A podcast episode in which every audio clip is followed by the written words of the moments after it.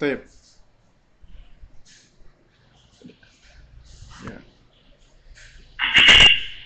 إن الحمد لله نحمده ونستعينه ونستغفره ونتوب إليه ونعوذ بالله من شرور أنفسنا ومن سيئات أعمالنا. من يهده الله فهو المهتد ومن يضلل فلن تجد له وليا مرشدا. أشهد أن لا إله إلا الله وحده لا شريك له وأشهد أن محمدا عبده ورسوله. لا نبي بعده أما بعد. Allahumma salli ala Muhammad wa ala ali Muhammad kama sallaita ala Ibrahim wa ala ali Ibrahim wa barik ala Muhammad wa ala ali Muhammad kama barakta ala Ibrahim wa ala ali Ibrahim innaka Hamidum Majid amma ba'du. Taib. Uh, sahabat-sahabat sekalian yang dimuliakan Allah Subhanahu wa taala, alhamdulillah di sore hari ini kita diizinkan Allah untuk dapat bersua ya meskipun agak sedikit apa terlambat ya yang memang sebagaimana di flyer kita mulai tadinya jam 4 ya. Dikarenakan ada beberapa masalah mungkin ya masalah teknis dan non teknis akhirnya kita agak mulai apa terlambat sedikit ya. Dan insya Allah di sore hari ini ya saya diminta ini oleh oleh oleh Kang Badi ini atau Mas Badrimin ya. Yang mana beliau meminta saya untuk membahas apa? Membahas tentang apa problematika bagi orang tua di masa pandemik ini ketika anak-anak harus belajar di rumah. Ya ketika belajar di rumah. Nah sebenarnya memang suatu hal yang nggak bisa kita pungkiri ya akan banyaknya permasalahan-permasalahan atau ataupun problem-problem ya yang kita hadapi apalagi orang tua ketika anak-anak di di apa ya namanya di kondisi seperti ini itu ya mereka diharuskan untuk study from home. Ya dan bahkan juga sebagian dari kita masih working from home ya meskipun sudah ada sebagian masuk kerja tapi tentunya dengan protokol-protokol yang cukup ketat. Baik. Uh, dikarenakan ini Kang Badi kita sifatnya adalah bincang-bincang sore sebenarnya ya. Nah tentunya uh, tentunya kita di sini kan berusaha untuk mengidentifikasi nih apa sih sebenarnya problemnya apa sih sebenarnya yang menjadi masalah bagi orang tua? Nah, mungkin bagi sahabat-sahabat yang sudah online di sini, bagi teman-teman yang sudah online mungkin bisa me, apa namanya mengetikkan pertanyaannya di kolom chat. Nanti insya Allah akan dibacakan oleh uh, sahabat kita yang baik hati ini, yaitu Kang Badi. Insya Allah beliau akan akan membacakan pertanyaannya dan mungkin ini karena usulan sepertinya dari dari Kang Badi ini. Mungkin dari Kang Badrimin bisa menceritakan dulu ini apa ini kira-kira problem yang paling yang paling dirasakan sama orang tua ini. Uh, jadi ada beberapa keluhan dari orang tua. Uh, mereka ber, apa mereka bilang ke anak salah satunya adalah hmm. misalnya handphone satu satu handphone yeah. satu gitu kan dipakai jualan. Nah, hmm. Kemudian punya anak beberapa hmm. dan masing-masing anak itu punya tugas masing-masing sehingga orang tuanya ketika anaknya mengerjakan tugas orang tuanya nggak bisa jualan. Ketika orang tuanya jualan si anak yang satu dua itu nggak bisa ngerjain tugas. Sekarang ketika si adiknya ngerjain tugas kakaknya nggak bisa. Itu yang pertama. Yang kedua adalah orang tua ini seperti gagap gitu kan gagap nggak nggak siap ketika harus apa ketika harus menjadi tanda kutip guru bagi anak-anak sendiri. Padahal kan dalam Islam itu adalah uh, orang tua juga harus mengajar anak-anaknya gitu kan. Jadi kalau hmm. olah ini kami nggak siap nih, kami nggak siap untuk mengajar anak-anak kami, kami ingin mereka diajar oleh guru-gurunya. Nah, seperti itu dan kondisinya. Yang yang yang yang yang, yang kami dapat uh, apa informasi gitu. Mungkin antum ada itu bagaimana Ustaz? Taib ya. Jadi sebenarnya kalau kalau kita klasifikasi ya permasalahan ini itu ada permasalahan yang bersifat teknis, ada yang bersifat non teknis ya. Kalau yang teknis ya berarti ya seperti yang antum jelaskan di awal tadi, misalnya gadget atau gawainya yang jumlahnya kurang. Nah, masalah masalah non teknis ini ya tentunya tentang di antara yang paling yang paling penting adalah berkenan dengan mindset, paradigma berpikir sebagian orang tua. Nah, dan tentunya yang paling mendasar di sini itu adalah yang pertama masalah mindset dulu, masalah paradigma dulu, gitu loh. Dan kalau kita perhatikan sebenarnya ya kebanyakan dari kita orang tua ya enggak kalau menyekolahkan anak itu kan sebenarnya sebenarnya kita itu kan kayak menitipkan anak gitu kan. Pengen anak kita punya aktivitas yang bermanfaat, kemudian kita cari sekolahan, tujuannya kita itu di dalam hati kita ya, bukannya bukannya ini ya, anak menghukumi hati bukan, cuman kalau kita perhatikan ya dari dari apa ya dari ucapan-ucapan uh, dari sebagian orang tua dan saya katakan sebagian itu ternyata memang untuk menitipkan anaknya ketika mereka lagi kerja atau ketika mereka lagi ada aktivitas supaya anaknya itu punya aktivitas disekolahkan. Nah, jadi ini ini ini sebenarnya nggak salah juga dan dan juga dikata wah bukan bukan suatu hal yang buruk juga. Tapi di sini ada satu miskonsepsi, ada satu kekeliruan ketika sekolah dijadikan tempat penitipan. Padahal ya idealnya dan kondisi yang tepat adalah sekolah itu bukan tempat penitipan. Tapi sekolah adalah tapi sekolahan itu adalah uh, tempatnya orang tua untuk saling bekerja sama dengan guru dan orang-orang yang ada di dalamnya dalam rangka untuk mendidik anak. Memang kita sebagai orang tua kan kita tahu kan kita punya kelemahan ya kan, kita punya apa kekurangan, kita nggak mampu ngajarin semuanya. Kita butuh dong orang-orang yang memang punya keahlian, orang-orang yang punya pengetahuan. Akhirnya dibikinlah lembaga sekolahan tersebut agar anak kita bisa belajar di situ. Tapi tetap yang menjadi pendidik utama dan pertama adalah siapa? orang tua. Tetap kita gitu loh. Yang bertanggung jawab tetap kita. Artinya sekolahan itu sejatinya adalah mitra atau partnernya kita orang tua. Kita kerjasama sama mereka. Nah ini mindset dulu ya.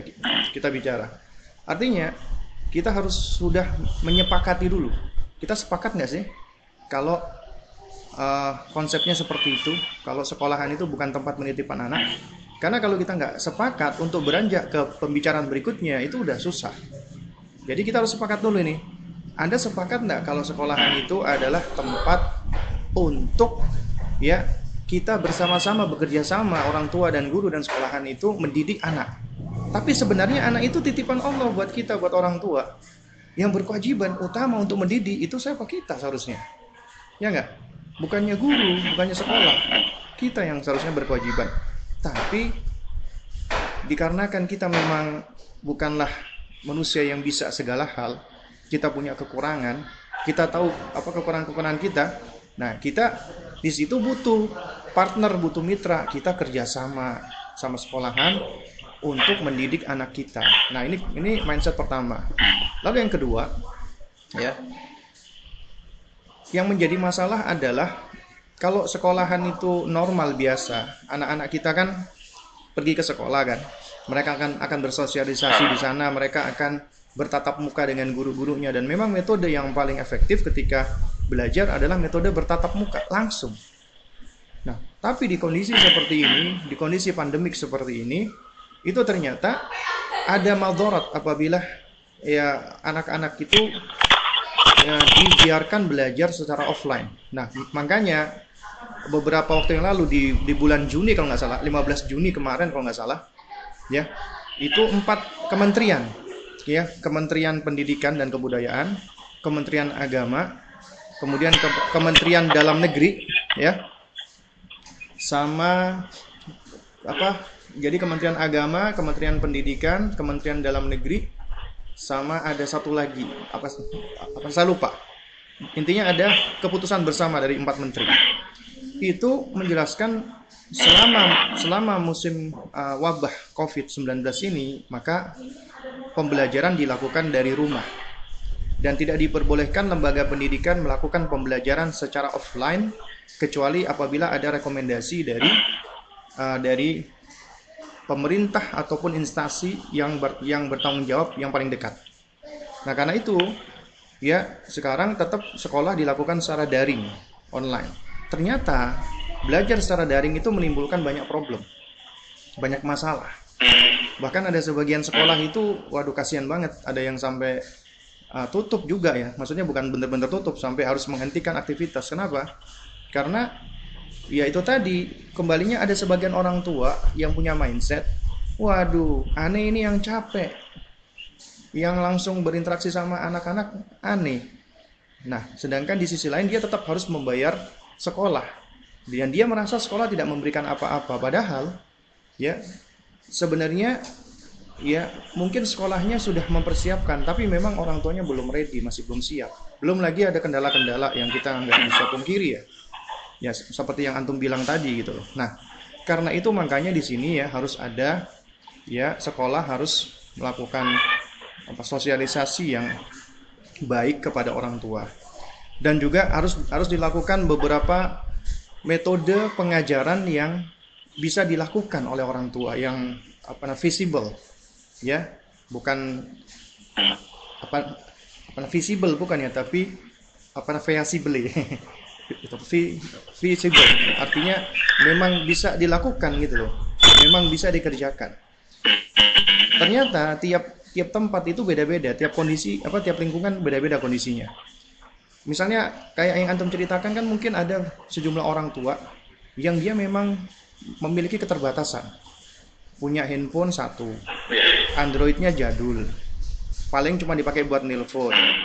Anak-anaknya harus belajar online butuh internet butuh koneksi yang bagus kemudian juga butuh aplikasi. Orang tuanya nggak ngerti ya udah. Seakan-akan pendidikan sudah selesai di situ gitu loh. Nah berarti ini kembalinya juga ke mindset. Artinya ini orang tua juga masih belum siap. Artinya begini loh dia itu ketika menyekolahkan anaknya juga juga orang tua yang seperti ini mohon maaf ya. Itu juga berarti dia seakan-akan udah anaknya dititipkan dan dan dia nggak berusaha untuk ini untuk untuk apa ya untuk mengikuti perkembangan anaknya. Nah, jadi dalam hal ini mau nggak mau memang dalam kondisi sus, apa sulit seperti ini jadi ya harus ada harus ada win-win solution. Artinya begini, yang pertama, ya mungkin sekolah bisa memberikan konsep pembelajaran yang lebih bisa diikuti. Contohnya gimana? Kita ini kan sekarang belajarnya kan belajar jarak jauh kan. Maksudnya sekarang ini kan kerjanya jarak jauh, belajarnya jarak jauh. Nah, sekarang yang sering kali digunakan itu adalah metode belajar secara daring online dalam jaringan kan. Nah, metode belajar daring ini itu juga bentuknya ada dua macam. Ada yang live langsung, ya, ada yang langsung live dan ada yang sebenarnya tidak live.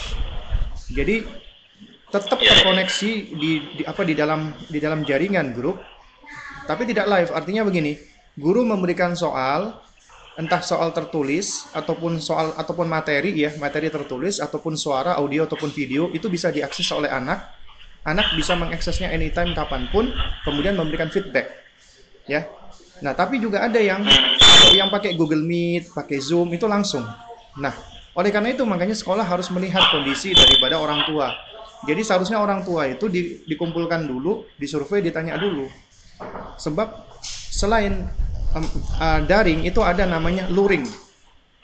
Ya. Jadi ada namanya metode luring. Ya, kalau daring kan di dalam jaringan, luring itu di luar jaringan. Nah, luar jaringan. Uh -uh. Yang dimaksud dengan luring itu adalah di sini ya anak-anak itu sebenarnya mereka tetap beraktivitas di rumah, belajar di rumah, tapi dimonitor sama orang tua, diberikan diberikan tugas-tugas dan aktivitas Kemudian orang tua yang mereport, orang tua yang memberikan report kepada gurunya. Khususnya ini buat anak-anak usia dini loh, untuk anak-anak usia dini. Nah, juga juga yang perlu kita pahami bersama, ya belajar secara daring itu tidak efektif untuk sejumlah anak, tapi bisa efektif untuk apa sejumlah anak. Maksudnya apa? Maksudnya anak-anak yang sudah SD kelas 3 kelas 4 ke atas, usia-usia yang sudah 10 tahun ke atas, yang sudah lebih bisa mandiri, yang sudah lebih bisa mereka itu apa namanya otonom, ya bahkan mereka biasanya lebih canggih dibanding orang tuanya, ngerti bagaimana cara menggunakan gadget dan lain sebagainya. Akhirnya mereka lebih bisa untuk belajarnya online sendiri itu lebih bisa dibandingkan anak anak-anak di usia dini anak TK apalagi anak KB itu ya harus dengan dengan bimbingan orang tua full. Artinya yang membukakan aplikasi orang tua, yang nemenin orang tua, yang bantu menjelaskan orang tua, yang membersamai orang tua. Artinya semuanya harus melibatkan orang tua. Karena di usia itu kan masih belum belum apa ya, belum usia mandiri kan. Nah, karena itu juga perlu dilihat dari dari usia, usia anak-anak gitu loh. Nah, kalau kasus yang Atum sebutkan tadi, misalnya ada seorang ibu punya satu handphone dipakai buat jualan. Satu handphone dipakai buat jualan. Anaknya ada uh, pembelajaran online. Karena itu si ibu ini harus ngomong dengan sekolahan. Ya, ada ada beberapa solusi. Yang pertama, dia mau nggak mau harus memfasilitasi anaknya belajar secara online. Berarti dia harus mengambil dari budget dari uang yang dia miliki untuk membelikan handphone satu handphone saja yang baru yang bisa support khusus untuk belajar. Dipisahkan dengan handphone yang dia pakai untuk jual jual beli. Berat nggak? Ya berat. Nah, tapi ya kalau memang kondisi dia tidak memungkinkan, nah inilah pentingnya. Sekolah itu punya wadah. Orang tua komunitas bersama, ada semacam komite. Putus ya? Ya, oke. Okay. Kayaknya apa namanya agak agak sedikit putus-putus ya. Nah, di antara di antara komite ini ya itu sebenarnya juga bisa saling membantu di antara orang tua. Karena kan orang tua kan kondisinya beda-beda kan. Mungkin ada loh orang tua yang mampu sama ada yang nggak mampu. Nah, itu sebenarnya bisa di list orang tua-orang tua yang nggak mampu nanti bisa dibantu orang tua urunan. Ini kan dalam rangka kebaikan bersama kan. Nah, jadi disediakan gadget atau device yang akan dipinjamkan kepada orang tua tersebut. Nah, tapi harus digunakan sebagaimana mestinya gitu loh. Nah, jadi itu solusi yang pertama. Solusi yang yang kedua adalah ya mau nggak mau ini handphone ini harus dipakai bergantian. Kalau dipakai bergantian, sedangkan kalau anaknya tiga atau empat itu waktunya bersamaan, nah ini memang muskilah. Ya, misalnya anaknya ada empat, yang satu kelas kelas lima, satu kelas empat, satu kelas tiga, satu kelas dua, berbarengan semuanya dalam satu waktu. Ya ini jelas suatu hal yang yang, akan, akan sulit. Kenapa? Karena kalau dilihat dari kebutuhan masing-masing butuh device, butuh gawai. Berarti dia harus menyediakan empat, empat gadget. Ini kan suatu hal yang mungkin berat ya. Yang bisa dia lakukan adalah dia harus komunikasi sekali lagi dengan sekolahan. Karena apa? Karena sekolahan itu mau gak mau adalah partnernya dia, mitranya dia. Ada masalah dia harus ngomong, menyampaikan. Harus diatur. Nah karena itu mungkin bisa dilakukan dengan cara apa? Dengan cara dilakukan pergantian penggunaan gadget gitu loh. Nah, biasanya sekolah itu melakukan daring itu untuk kelas-kelas tertentu itu tidak tidak setiap hari. Kecuali yang udah kelas 5, kelas 6 biasanya memang tiap hari. Tapi yang uh, di apa di, di bawah itu biasanya sepekan tiga kali atau sepekan dua kali biasanya seperti itu. Tidak setiap hari. Nah, kemudian juga itu juga tidak mesti selalu online maksudnya maksud maksud maksud anak online itu nggak nggak mesti langsung live kayak misalnya gurunya online di Zoom atau di mana di di Google Meet itu nggak itu nggak mesti bisa jadi pakai aplikasi Google Class misalnya Google Classroom Classroom Google Classroom itu ya sebenarnya cuman guru ngasih tugas kemudian dibaca sama murid-murid kemudian nanti bisa apa murid mengerjakan baik itu via Google Google Form ya udah disiap, disiapkan Google Google Form, ada pertanyaan murid jawab atau dia nulis di kertas kemudian difoto kemudian dikirim gitu loh. Nah, ini oleh karena itu makanya pembelajaran yang bersifat teknik teknikal seperti ini ya mau nggak mau harus apa? Harus harus harus ada komunikasi yang baik antara uh, orang tua dengan sekolah termasuk juga sama anak-anak dan juga harus ada pengaturan yang benar ya harus ada apa namanya pengaturan jadi juga bisa misalnya sekolah sekolah memberikan tugas ya, sekolah ngasih tugas kepada murid. Nah, itu bisa disampaikan ke orang tuanya. Nanti orang tuanya yang yang ngasih tugasnya tersebut, muridnya ngerjain. Setelah selesai dikerjain baru kemudian dikirimkan baik, baik dalam bentuk bentuk foto atau yang semisalnya. Nah, ini memang memang solusi sementaranya seperti itu gitu. Ya. Kalau idealnya ya memang masing-masing anak punya punya gadget, punya gawai, punya device. Nah, dan ini suatu hal yang mau nggak mau kita sebagai orang tua harus beradaptasi. Kita harus harus harus terus apa ya harus berimprovisasi juga gitu dalam, dalam kondisi seperti ini supaya tetap anak-anak kita itu bisa belajar. Nah sekarang masalahnya butuh nggak sih anak-anak kita belajar online? Butuh nggak? Menurut antum butuh nggak? Ya. Hah? Butuh. Enggak, karena ada loh sebagian orang tua yang merasa wah enggak. Ada sebagian orang tua yang merasa enggak butuh. Toh karena kenapa? Alasan mereka kenapa, Pak? Kenapa? Alasan mereka kenapa? Alasannya kenapa? Karena toh yang ngajar juga aneh, orang tua sendiri yang ngajar.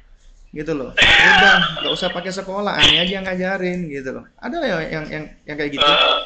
Karena apa? Karena ketika dia nyekolahin anaknya sebelumnya supaya nggak ngeribetin dia. Supaya supaya Nah, itu pun, nah itu pun tetap salah satu kendala. Jadi ketika misalnya eh, apa anaknya itu menunjang tugas segala macam, orang tua ngeluh, "Mak, anak ini kok ngabisin waktu aneh gitu loh. Dan itu orang tua ah, ini anak ngabisin waktu aneh sebagai orang tua aneh nitipin dia sekolah buat gini gini segala macam. Nah, nah itu salah satu kendala juga di orang tua. Artinya orang tuanya kayak belum siap kayak gitu loh kan istilahnya. Ya itu makanya kembali ke tadi yang pertama mindset, paradigma. Mindset ya. Hmm. Jadi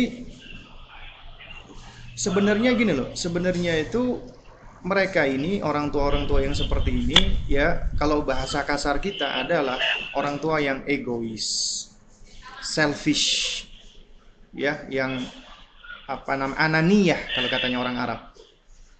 Keakuannya tinggi. Kenapa? Karena dia cuman mikirin enaknya dia doang.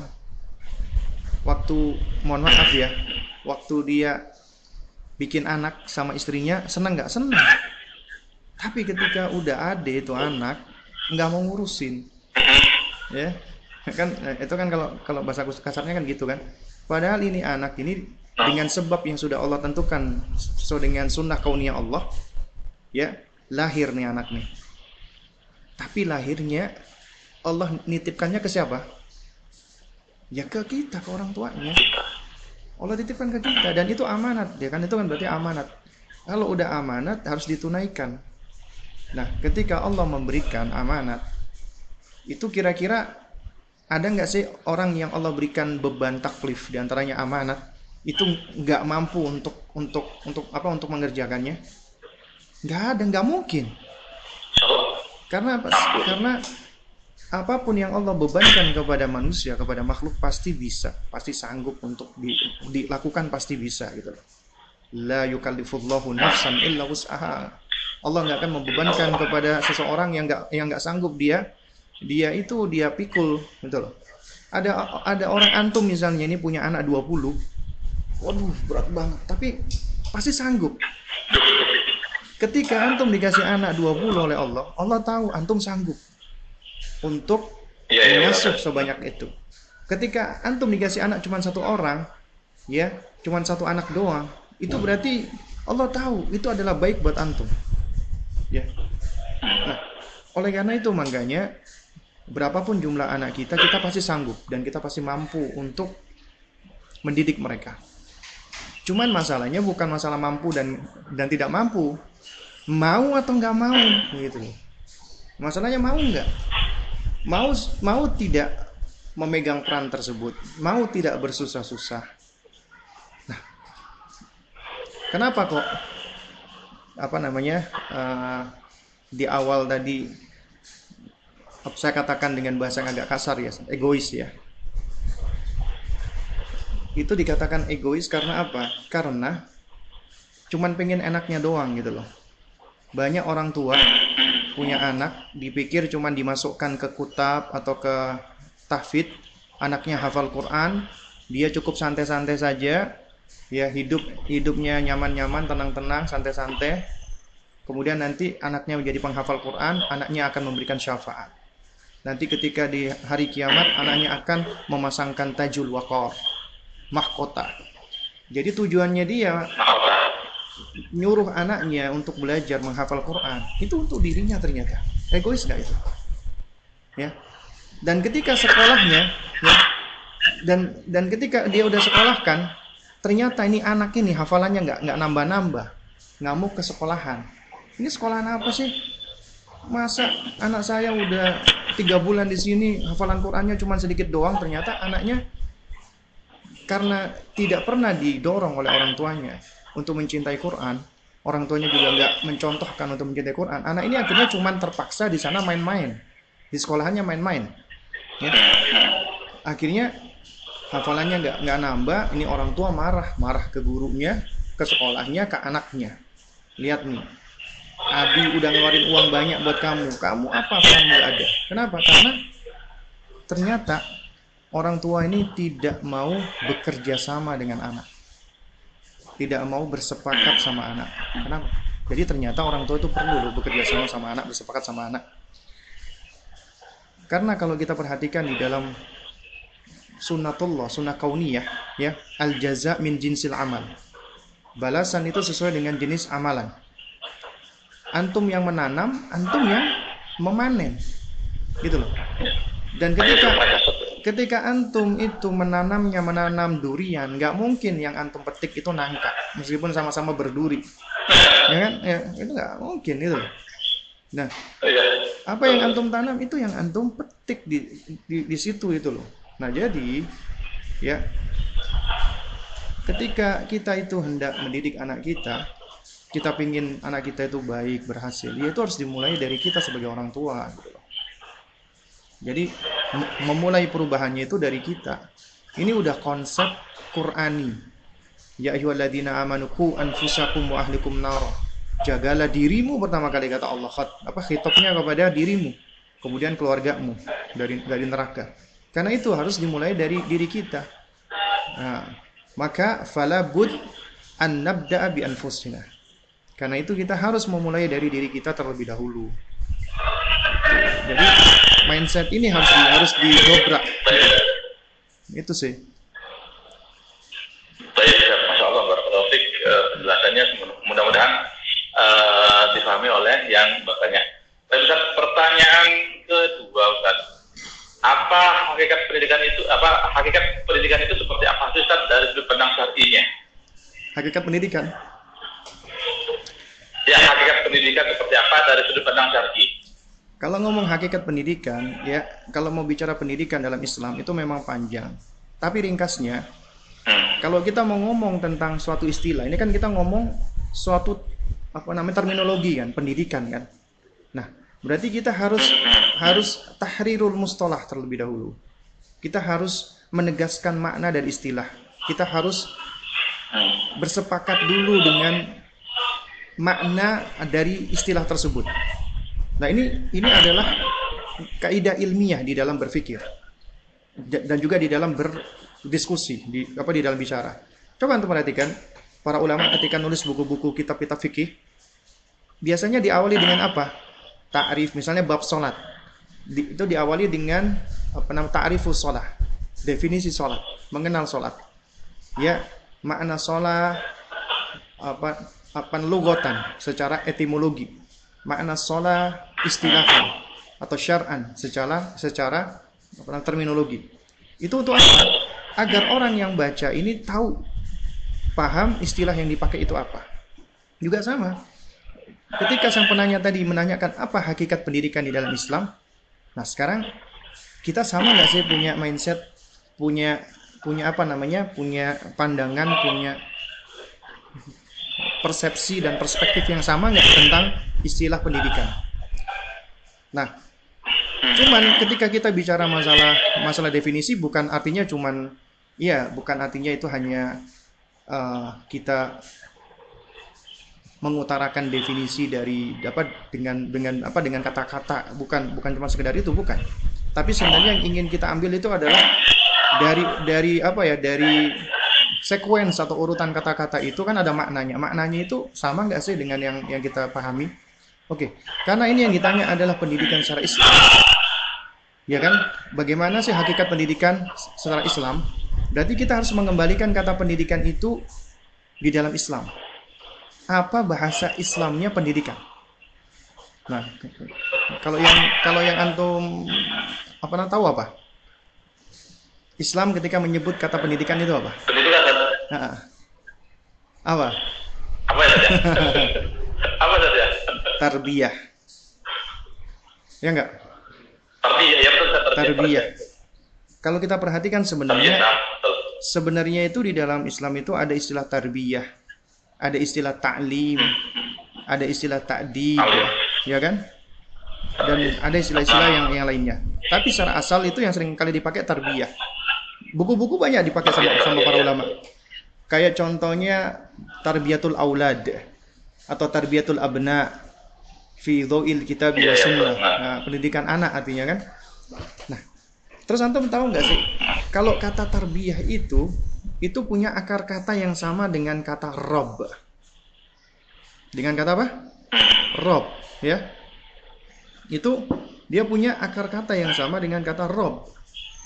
Nah, sedangkan kita semua tahu ya makna makna rob itu apa? Ketika kita katakan rob ya, Allahu Rabbuna, Allah itu adalah apa namanya? Uh, apa nama Rob kita ya. Itu kalau kata Syekh Utsaimin rahimahullah taala, itu setidaknya itu nggak keluar dari tiga makna paling mendasar. Apa itu? Allahu khaliquna, Allahu malikuna, Allahu mudabbiruna. Allah pencipta kita. Karena Allah yang menciptakan berarti Allah yang apa? Malikuna, menguasai. Boleh dibaca malikuna atau malikuna. menguasai atau memiliki. Dan ini ya makanya ketika uh, membahas tentang tafsir Al-Fatihah kan boleh dibaca maliki yaumiddin atau maliki yaumiddin ya kan? Mimnya boleh dibaca panjang boleh boleh, boleh dibaca pendek. Kalau dibaca panjang maliki yaumiddin artinya adalah apa? Raja penguasa. Menguasai hari pembalasan. Tapi kalau dibaca pendek ya nggak dibaca mimnya panjang namanya maliki yaumiddin malik malik di sini artinya apa yang memiliki yang memiliki hari pembalasan. Itu kata Syekh Utsaimin, dua makna ini adalah dua dua makna yang saling melengkapi. Mau dibaca Malik, mau dibaca Malik, itu memang punya penekanan yang yang berbeda. Tapi di sini ternyata itu mengandung kesempurnaan. Apa kesempurnaannya? Di di dunia ada orang itu raja, Malik. Tapi ternyata belum tentu dia memiliki tanah-tanah yang dia kuasai. Ya kan? Presiden contohnya penguasa. Dia memiliki kekuasaan. Tapi belum tentu loh. Negeri yang dia kuasai itu miliknya dia, bukan miliknya dia. Ya kan? Bahkan bisa jadi itu dia nggak punya apa-apa gitu loh. Kecuali ya rumahnya atau apa. Di sisi lain ada juga orang yang tuan tanah, pemilik tanah. Tapi tapi belum tentu dia menguasai tanah tersebut. Ya kan? Kalau di, kalau manusia makhluk dia punya memiliki belum tentu dia menguasai. Ketika orang manusia itu berkuasa belum tentu dia memiliki yang dia kuasai. Tapi kalau Allah Allah yang menciptakan berarti Allah yang punya Allah yang memiliki berarti Allah yang menguasai dan karena itu Allah pula yang mudabbir fitadbir Allah yang mengatur jodohnya, matinya, hidupnya, semuanya itu Allah yang mengatur. Itu kalau kita bicara apa namanya makna rob ya. Nah, kenapa? Ya itu kalau kita bicara bicara makna rob. Nah, tapi yang menarik adalah Al Imam Al uh, apa Baidawi ya semoga Allah merahmati beliau di dalam kitab tafsirnya Anwarut Tanzil beliau ketika ketika memaknai kata Rob, dia mengatakan kata Ar-Robbu huwa minat tarbiyah. Eh, apa kebalik kebalik ya. Beliau mengatakan at-tarbiyatu hiya minar Rob. Artinya intinya kata tarbiyah itu memiliki akar kata sama, apa akar kata yang sama dengan kata Rob. Apa maknanya? Maknanya adalah apa natablighu syai' ila kamalihi syai'an fa syai'an maknanya adalah menghantarkan sesuatu ke tingkat optimalnya atau ke kesempurnaannya sedikit demi sedikit. Itu makna yang dibawakan oleh Imam Al-Baidawi. Nah, cuma di sini yang ingin anak sampaikan adalah kata tarbiyah itu bisa dari kata apa ini apa roba yarbu dari kata apa roba yarbu ya? Ya itu artinya nama yanmu. Apa artinya nama yanmu? Berkembang. Ini sama akar katanya dengan kata riba. Riba itu kan harta yang dikembangkan tapi dengan cara yang tidak benar dengan cara yang zolim itu ternyata punya akar kata yang sama. Dari kata apa nama apa roba yarbu. Artinya artinya nama yanmu. Atau dari kata yang kedua apa namanya robia yarba. Dari kata apa namanya uh, apa namanya robia yarba. Itu artinya nasyaah ya artinya nasyaah tumbuh. Ya artinya nasyaah atau tumbuh. Atau yang ketiga ini yang sering kali dipakai dari kata apa namanya robba yarubbu. Di atas baknya dikasih tasdid. Ya. Nah artinya apa? Artinya adalah aslahahu tawalla amrahu atau apa apa ra'ahu ya. Atau qama alaihi. Artinya mengurusi memelihara menjaga yaitu maknanya uh, mengatur. Itu kata robba ya rubu dari kata ini itu kata Syekh Abdurrahman Albani. Beda ya Nasruddin Al Albani rahimahullah dengan Abdurrahman Albani. Kalau Syekh Abdurrahman Albani ini adalah salah Syekh Abdurrahman Albani itu tokoh pendidikan muslim. Itu Syekh Ali Hasan Al-Halabi hafizahullah taala dia punya kutayib judulnya adalah Al-Madkhal ila Tarbiyatil Islamiyah pengantar pendidikan Islam beliau nukil itu tulisannya Syekh Abdurrahman Albani Albani sama Al-Albani beda ya nah itu beliau terangkan bahwasanya yang namanya pendidikan dari tiga kata ini berarti yang namanya pendidikan di dalam agama kita itu nggak lepas dari yang pertama nama yanmu. Ini putus nggak sih ini? Ya, dari kata nama yanmu. Ya, yang dimaksud dengan nama yanmu, ya itu artinya uh, ini kayaknya kayaknya agak putus-putus ya. Ya. Coba apa jaringan sinyal saya ya? Oke, baik. Uh, ini sepertinya koneksinya lagi kurang bagus ya. Coba saya ganti dengan WiFi yang lain ya, connected. Oke. Baik, ini sepertinya mungkin bukan koneksi saya ya, koneksinya Kang Kang Badi sepertinya yang yang bermasalah ya. Baik ya, uh, saya teruskan lanjutkan aja ya. Jadi intinya kata tarbiyah itu bisa bermakna roba yarbu, artinya nama yanmu. Artinya adalah berkembang atau mengembangkan. Kalau dikatakan berkembang, berarti ada yang dikembangkan di situ. Artinya kita mengembangkan anak kita. Di antara yang kita kembangkan adalah apa? Adalah adalah bakatnya anak kita. Ya. Kemudian yang berikutnya adalah apa namanya? Eh, ngerobia yarba. Nasya'ah menumbuhkan. Apa yang ditumbuhkan? Fitrahnya anak kita. Kita menumbuhkan fitrah mereka karena Allah sudah menciptakan anak kita di atas fitrah. Kemudian kata ini apa robba yarubbu. Artinya kita wajib memelihara mereka, menjaga mereka dari kejelekan, dari keburukan, dari siksa neraka sebagaimana At-Tahrim ayat 6 ya kuan fusakum wa ahlikum nara ya ataupun juga ya kewajiban kita adalah ya mengajari mereka ya mendidik mereka mengurusi mereka. Nah jadi semua makna ini ternyata makna yang saling berkaitan erat. Ya. Taib. ini sepertinya Kang Kang Badrimin masih belum connect ya? Ya jadi sepertinya putus. Al Albani beda. Ya. Jadi sepertinya putus dan ini uh, coba coba connect lagi ya. Oke, sepertinya putus ya. Uh, kita coba tunggu koneksi lagi berikutnya.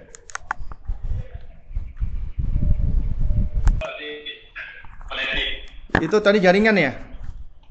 Iya. Iya, jaringan. Oh, oke. Koneksi antum berarti ya. Soalnya anda tadi sempat muter-muter ganti-ganti wifi masih tetap aja. Oke, itu. Oke, berarti kita terakhir terakhir kali antum antum dengar ana sampai mana tadi? Ah, Lupa. Tentang ini kalau nggak salah, uh. Oh, nah itu kan makna dari kata tarbiyah. Berarti kan ada tiga kan? Ya kan? Nah, Ada. tadi yang yang kedua kalau nggak salah, yang ketiganya belum. Oh, yang ketiga Belum belum. Karena muter-muter tadi. Oh gitu. Enggak, Ya. ya, oke. Anda ulangi dikit ya. Soalnya ini kan mungkin khawatir ada yang kelewatan kan. Yang apa namanya pertama tadi apa? Ustaz. Itu apa namanya pertama tadi apa? Tarbiyah, tarbiyah. Iya, makna apa nama ini apa nama tarbiyah tadi apa? Yang yang apa namanya pertama? Dari apa kata apa? Malik. Hah? Dari kata apa dia? Dari Dari, kata dari Ma- Malik Ustaz. Bukan ya? troba yarbu. Ah, Artinya Iya. adalah nama yanmu. Artinya dia berkembang. Itu sama akar katanya dengan kata apa? riba. Riba. Kemudian yang kedua tadi itu Nah, yang kedua kayaknya nggak nggak dapet tadi. Trobia yarba.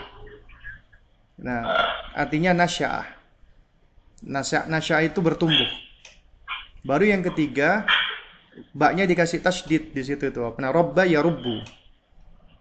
Nah, ini yang sama dengan kata rob. Dari kata robba yarubbu ya. Artinya apa? Aslahahu. Ya, artinya adalah Lah, memperbaiki atau maknanya adalah sasahu. Ini kata sasa itu sama dengan kata siasa. Siasa itu artinya adalah mengurusi. Ngurus, sasahu. Ya kan? Mengurus ya. Iya, atau koma alaihi. Koma alaihi itu di antara maknanya adalah memimpinnya. Ya. Atau apa namanya tawalla amrohu. Ya. Atau apa nama ro'ahu, menjaga atau atau atau memelihara atau memelihara. Nah, itu itu makna tarbiyah.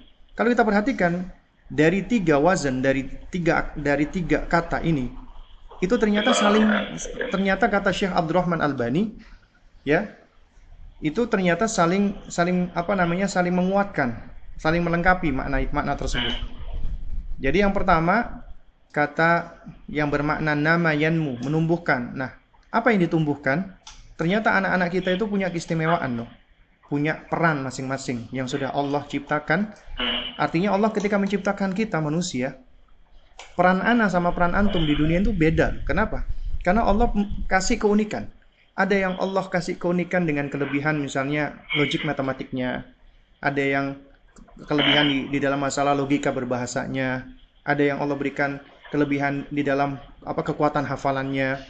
Itu memang beda-beda. Tiap orang beda-beda. Dan Nabi tahu hal itu.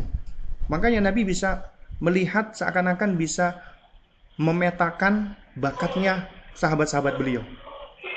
Dan ini waktu itu kan sudah ini ya, sempat Anda contohkan ya. Contohnya Zaid bin Thabit.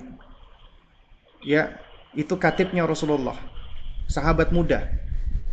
Beliau tuh memiliki kemampuan apa namanya polyglot. Kalau orang sekarang ngomongnya polyglot. Apa polyglot? Kemampuan kejeniusan di dalam berbahasa. Beliau menguasai bahasa Ibr- bahasa Ibrani 15 hari. Itu wa'at kontuhu katanya dan aku mutkin. Artinya mutkin itu bukan cuman ngerti, bukan kita belajar bahasa satu tahun kita cuman ngerti bisa ngomong dikit. Ini mutkin. Artinya dia gramatikalnya maknanya semua tahu. Kemudian bahasa Suryani dipelajari 17 hari. Nah, ini berarti menunjukkan beliau jenius. Ya kan? Dan artinya di sini Nabi bisa melihat apa apa kepintaran sahabat-sahabatnya. Nabi juga tahu ada sahabat-sahabat yang pinter untuk apa apa namanya beretorika, untuk menyampaikan, untuk bicara, untuk mempengaruhi orang. Mu'adz bin Jabal, Ali bin Abi Thalib. Mu'adz itu Nabi suruh berdakwah ke Yaman. Ya. Kemudian An- Nabi ketika melihat ada seorang pemuda yang paling ahli jenius dalam masalah taktik perang, Usama bin Zaid. Itu di perang Mu'tah di apa di, di perang Mu'tah dikirim oleh Rasulullah wasallam. Untuk apa? Untuk menjadi panglima perang, Mem- memimpin Abu Bakar, ya kemudian Umar, itu sahabat-sahabat senior. Karena Nabi tahu. Nah, maka seharusnya juga tiap orang tua juga harus ngerti tentang keunikan anak-anaknya. Antum punya anak empat, anak antum empat ini beda-beda. Ada yang ternyata yang satu ketika di, di apa dijelasin langsung ngerti. Ada yang satu kalau cuma dijelasin belum ngerti-ngerti sampai dia harus antum jelaskan secara gambar visual, antum lihatkan videonya baru dia ngerti. Ada yang satu dia itu perlu untuk apa? Untuk untuk turun menjelajah bergerak tubuhnya baru dia bisa ngerti. Ya, jadi artinya tiap tiap anak beda-beda. Punya peran masing-masing. Nah, makanya di sini itu tugasnya kita mendidik anak adalah kita mengembangkan bakatnya sesuai dengan perannya dia. Lalu yang kedua, tadi kan maknanya adalah nasya'ah, menumbuhkan. Apa yang kita tumbuhkan?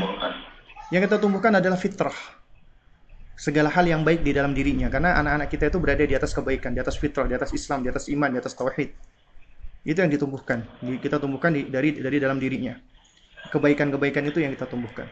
Baru kemudian yang ketiga, kita urusi, kita jaga, kita pelihara, kita ajari, dan seterusnya. Itu yang namanya pendidikan.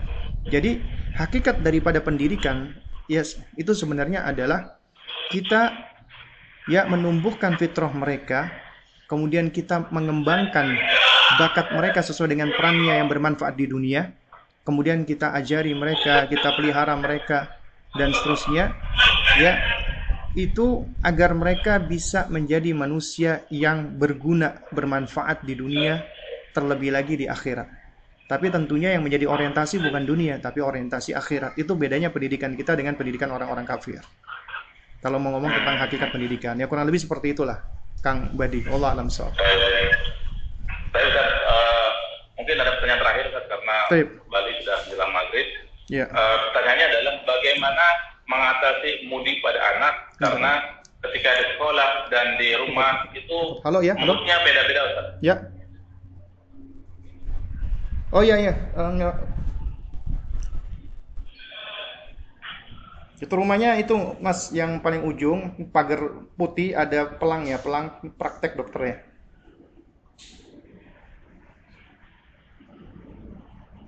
Iya betul Jalan Sumatera Blok G ya nomor 178 ya.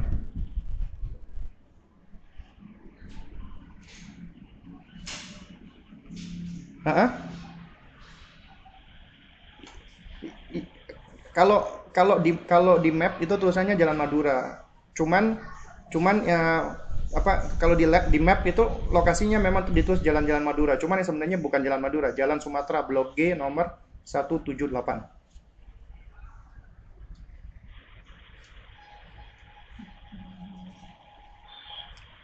Siapa siapa? Ya halo. Oh apa nggak ada mas yang yang namanya itu ya? Oh ya oke oke ya. Oh ya oke oke ya oke. Ya ya ya ya terima kasih. Ya Afwan Afwan ada tukang tukang paket nyasar. Ya gimana gimana tadi Afwan Afwan? Jadi itu jadi pertanyaan adalah bagaimana cara mengatasi mood pada anak karena karena karena ketika di sekolah dan di rumah mood anak tuh beda-beda Ustaz. Oh, mengatasi mood ya. Apa suasana hati anak? Ya. Baik. Jadi nah. jadi memang kita nggak bisa pungkiri ya, anak-anak itu adalah an yang paling mudah ya berubah-ubah moodnya. Jadi apalagi kalau misalnya dia pagi-pagi bangun tidur masih ngantuk, itu biasanya dia gampang marah. Tapi ternyata moodnya anak-anak itu juga sebenarnya lebih cepat berubah ya dan yang perlu kita ketahui bersama ya yang namanya perasaan mood itu faktor yang paling penting itu adalah dia dipengaruhi oleh lingkungan yang ada di sekitarnya. Anak yang lagi bete bangun tapi kemudian ibunya datang dengan wajah yang ceria yang senang anaknya disapa dengan kebaikan. Assalamualaikum anak umi sudah bangun dipeluk di kemudian dicium, terus kemudian dia dibiarkan sebentar, kemudian diajak apa, kemudian kemudian diajak ke kamar mandi, dia suruh mandi, itu tentunya akan bisa memperbaiki moodnya. Tapi kalau misalnya anak sudah bad mood, orang tuanya ikut bad mood juga, ayo cepet mandi, kamu ntar lagi terlambat gini ya pasti juga itu bakal bakalan ya susah karena ya emosi negatif ya itu di dihadapi dengan emosi yang apa itu negatif gitu loh. Nah, jadi supaya kita bisa menghadapi mood anak yang seperti itu ya berarti kuncinya orang tua harus belajar dan belajar bersabar pula, harus bisa ngerti, berempati sama anak. Kita sendiri kalau lagi kesel, kemudian kita di diomel-omelin atau kita di diajak ngomong dengan cara yang nggak baik, kita juga bukannya hilang kesel kita, kita malah tambah kesel kan. Nah, jadi kita belajar di situ untuk berempati. Artinya kalau kita nggak senang kita disikapi dengan cara-cara yang seperti itu, maka kita jangan menyikapi cara seperti itu apalagi kepada anak kita itu loh. Nah, jadi intinya ya anak-anak kita itu ya mesti ya namanya anak-anak dia emosinya suka berubah-ubah gitu loh. Ya, jadi kadang-kadang seneng, kadang-kadang sedih gitu kan. Putus lagi ternyata ya. Ya, sepertinya jaringannya bermasalah lagi ini ya. Baik.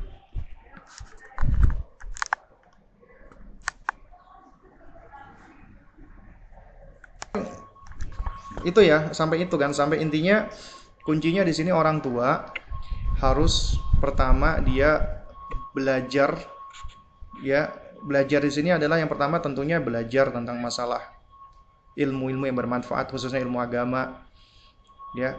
Kemudian yang kedua dia belajar ilmu pendidikan yang benar ilmu parenting yang Islam benar-benar Islam. Kemudian yang ketiga dia juga harus belajar untuk apa? Untuk bersabar. Karena sabar itu perlu belajar juga. Untuk untuk apa namanya menghadapi anaknya. Tapi itu semua nggak nggak bisa diraih kalau dia tidak kalau dia tidak melakukan apa? Kalau dia tidak tidak berusaha apa namanya memahami. Tidak memahami apa namanya emosi. Nah untuk memahami emosi itu ya harus diawali dengan cara dia harus ngerti dulu. Bisa memberi label kepada emosinya.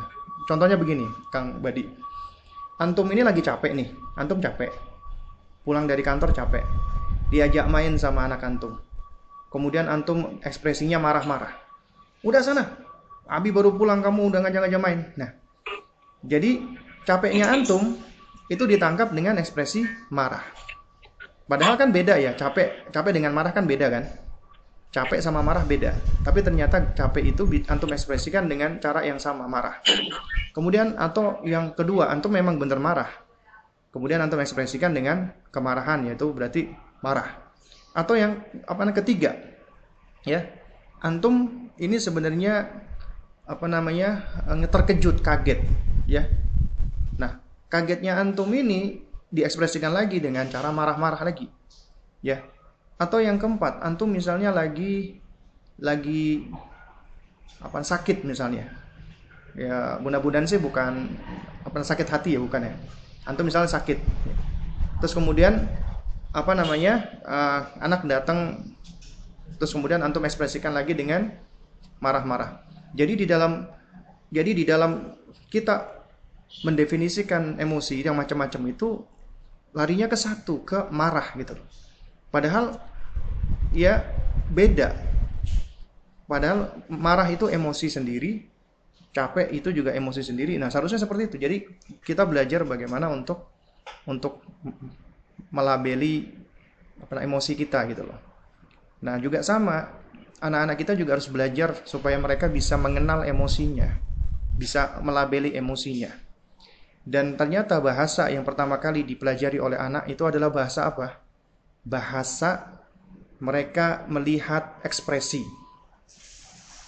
Kalau anak itu belajar, belajar baca, itu yang pertama kali dia pelajari itu bukan huruf, tapi simbol. Jadi antum jelaskan ya, ada tanda P, Oh itu nak artinya tempat parkir dia langsung tahu meskipun dia nggak bisa baca. Antum ajarin dia P dicoret di itu nggak boleh parkir dia tahu meskipun meskipun dia nggak bisa baca. Mereka lebih mudah untuk membaca simbol. Anak antum belum belum bisa baca, tapi antum tunjukkan namanya misalnya Ahmad. Nah ini nama kamu. Dia nggak tahu itu huruf A itu huruf A, huruf H, huruf M dia nggak nggak tahu. Tapi antum kasih tahu ini loh. Ini namamu dia bisa tahu loh. Ini kan aku gitu loh. Ini namaku gitu loh. Jadi ternyata anak-anak itu juga ketika berkembang di dalam belajar membaca di dalam belajar untuk untuk apa namanya memahami itu memang ada tahapannya ada stepnya. Demikian pula anak sebelum dia belajar berbahasa verbal lisan dia itu akan belajar berbahasa melalui ekspresi. Makanya anak itu dia lebih bisa melihat ekspresi orang tuanya apalagi uminya lagi sedih lagi marah lagi senang lagi bahagia itu bisa bisa kelihatan gitu loh.